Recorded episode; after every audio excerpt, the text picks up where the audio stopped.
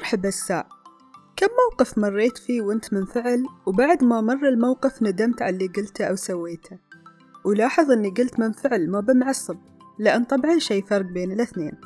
كلنا نعرف أن العصبية هي وحدة من المشاعر السلبية اللي تنتج من الزعل أو الخذلان أو التأخير أو غيرها من المواقف الكثيرة اللي ممكن تخلي الواحد يعصب وتختلف حدة العصبية من شخص للثاني.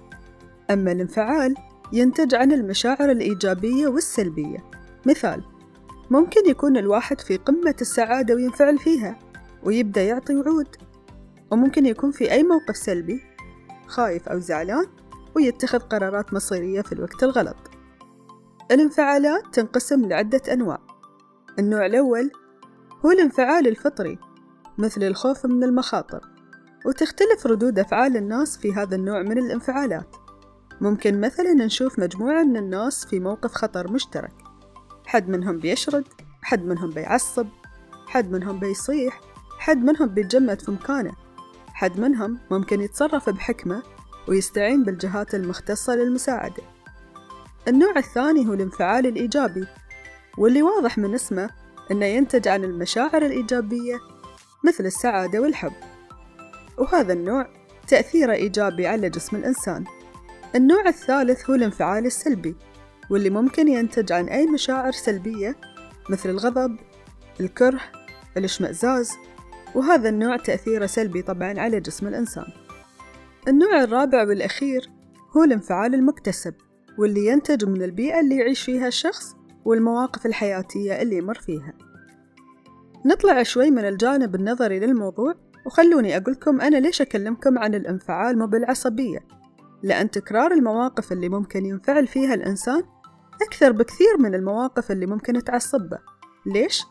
لأن قلنا أن الانفعال ينتج عن المشاعر الإيجابية والسلبية أما العصبية تنتج فقط عن المواقف والمشاعر السلبية. الانفعال ينتج تغييرات في الأجهزة العصبية والعضلية والهرمونية للإنسان. وهالجانب أنا ما بتطرق له لأني مو طبيبة ولا بتفلسف فيه تقديرا للناس اللي قزرت عمرها تتخصص في هذه المجالات. أنا بتكلم عن بعض الخطوات اللي تساعدك في إدارة الانفعال سواء كان هذا الانفعال إيجابي أو سلبي. الخطوة الأولى هي أداء العبادات واللي تساعد الإنسان مع الوقت على ضبط مشاعره وإدارتها بحكمة أكثر. الخطوة الثانية هي التنفيس عن الطاقة الانفعالية. شو يعني هالكلام؟ الانفعالات بمختلف أنواعها تخلق طاقة في الإنسان وأرد أذكركم أني أتكلم عن الانفعالات الإيجابية والسلبية والتنفيس عن الطاقة جدا مهم عشان يخف الضغط عن الشخص وما يتخذ قرارات أو يتصرف بسلوكيات غير مدروسة في لحظة الانفعال. طبعا الوسيلة اللي تستخدمها في تفريغ الطاقة لازم تكون مناسبة لدرجة الانفعال. إذا الانفعال كان شديد لازم الوسيلة اللي تستخدمها يكون فيها حركة شديدة. زين كيف أنفس عن هالطاقة؟ تختلف الطرق حسب شخصية كل إنسان. في شخص ممكن يناسبه أنه يمارس الرياضة وشخص ثاني ممكن يناسبه أنه يمارس هواية يحبها وشخص ممكن يناسبه التنفس العميق. وفي ناس تحب تنعزل لوقت قصير في لحظة الانفعال. أنا عن نفسي أحب أكتب يوم أحس أني منفعلة وأفرغ الطاقة على الورق. وأنت؟ شو الطريقة اللي تحس إنها تناسبك؟ الخطوة الثالثة هي تعويد النفس على التأمل والاسترخاء حتى وأنت في وضعك الطبيعي. الاسترخاء يدربك ويروض مشاعرك وعلى المدى الطويل بيساعدك الاسترخاء في السيطرة على انفعالاتك وإدارتها بشكل سليم. الخطوة الرابعة هي النوم بالقدر الكافي. طبعا كلنا أكيد مرت علينا أيام ما رقدنا فيها عدل بس اختلفت انفعالاتنا فيها. حد من الناس ممكن يصير عصبي وحد ممكن تتي حالة ضحك هستيرية. فلازم إن نحصل قد ما نقدر على النوم الكافي. الخطوة الخامسة والأخيرة هي زيادة الوعي بالنفس. ضروري يكون عندك وعي ذاتي بمشاعرك وردود أفعالك. كيف تعرف هالشي؟ راقب نفسك في مختلف المواقف اللي تثير انفعالاتك وشوف التأثيرات اللي تصير فيك. هل إذا مريت بموقف سلبي تعصب، تصيح، تضرب، تشرد لازم تعرف شو تأثيرات المواقف عليك عشان تقدر تديرها وتتحكم فيها.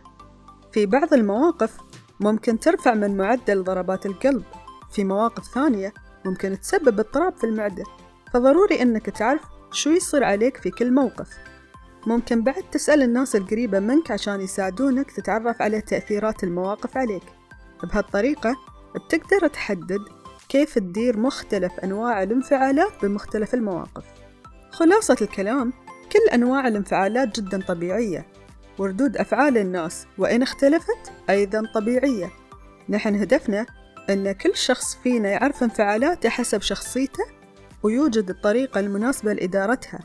ما في شيء اسمه صح أو غلط. كل واحد وحسب طبيعته وحسب اللي يناسبه. بس اللي نتفق عليه هي الخطوات الخمس. واحد أداء العبادات. اثنين خذ وقتك ونفس عن الطاقة الانفعالية بالطريقة اللي تريحك وبدون ما يكون فيها ضرر على نفسك وعلى اللي حولك. ثلاثة خصص من وقتك للتأمل والاسترخاء وهالخطوة بتلاحظ أثرها على المدى البعيد. أربعة حاول قد ما تقدر تنام صح وبالقدر الكافي.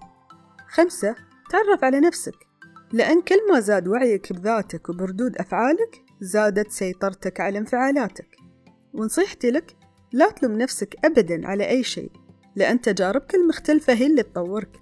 اللي أباه منك أنك تراجع أي موقف ندمت عليه تقيم نفسك كيف كنت فيه وشو الأشياء اللي تمنيت أنك ما قلتها أو سويتها وسجلها عندك.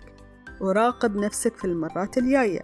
بهالطريقة أنت بتقدر ترفع من مستوى وعيك بنفسك وبتقدر تتطور في إدارة انفعالاتك.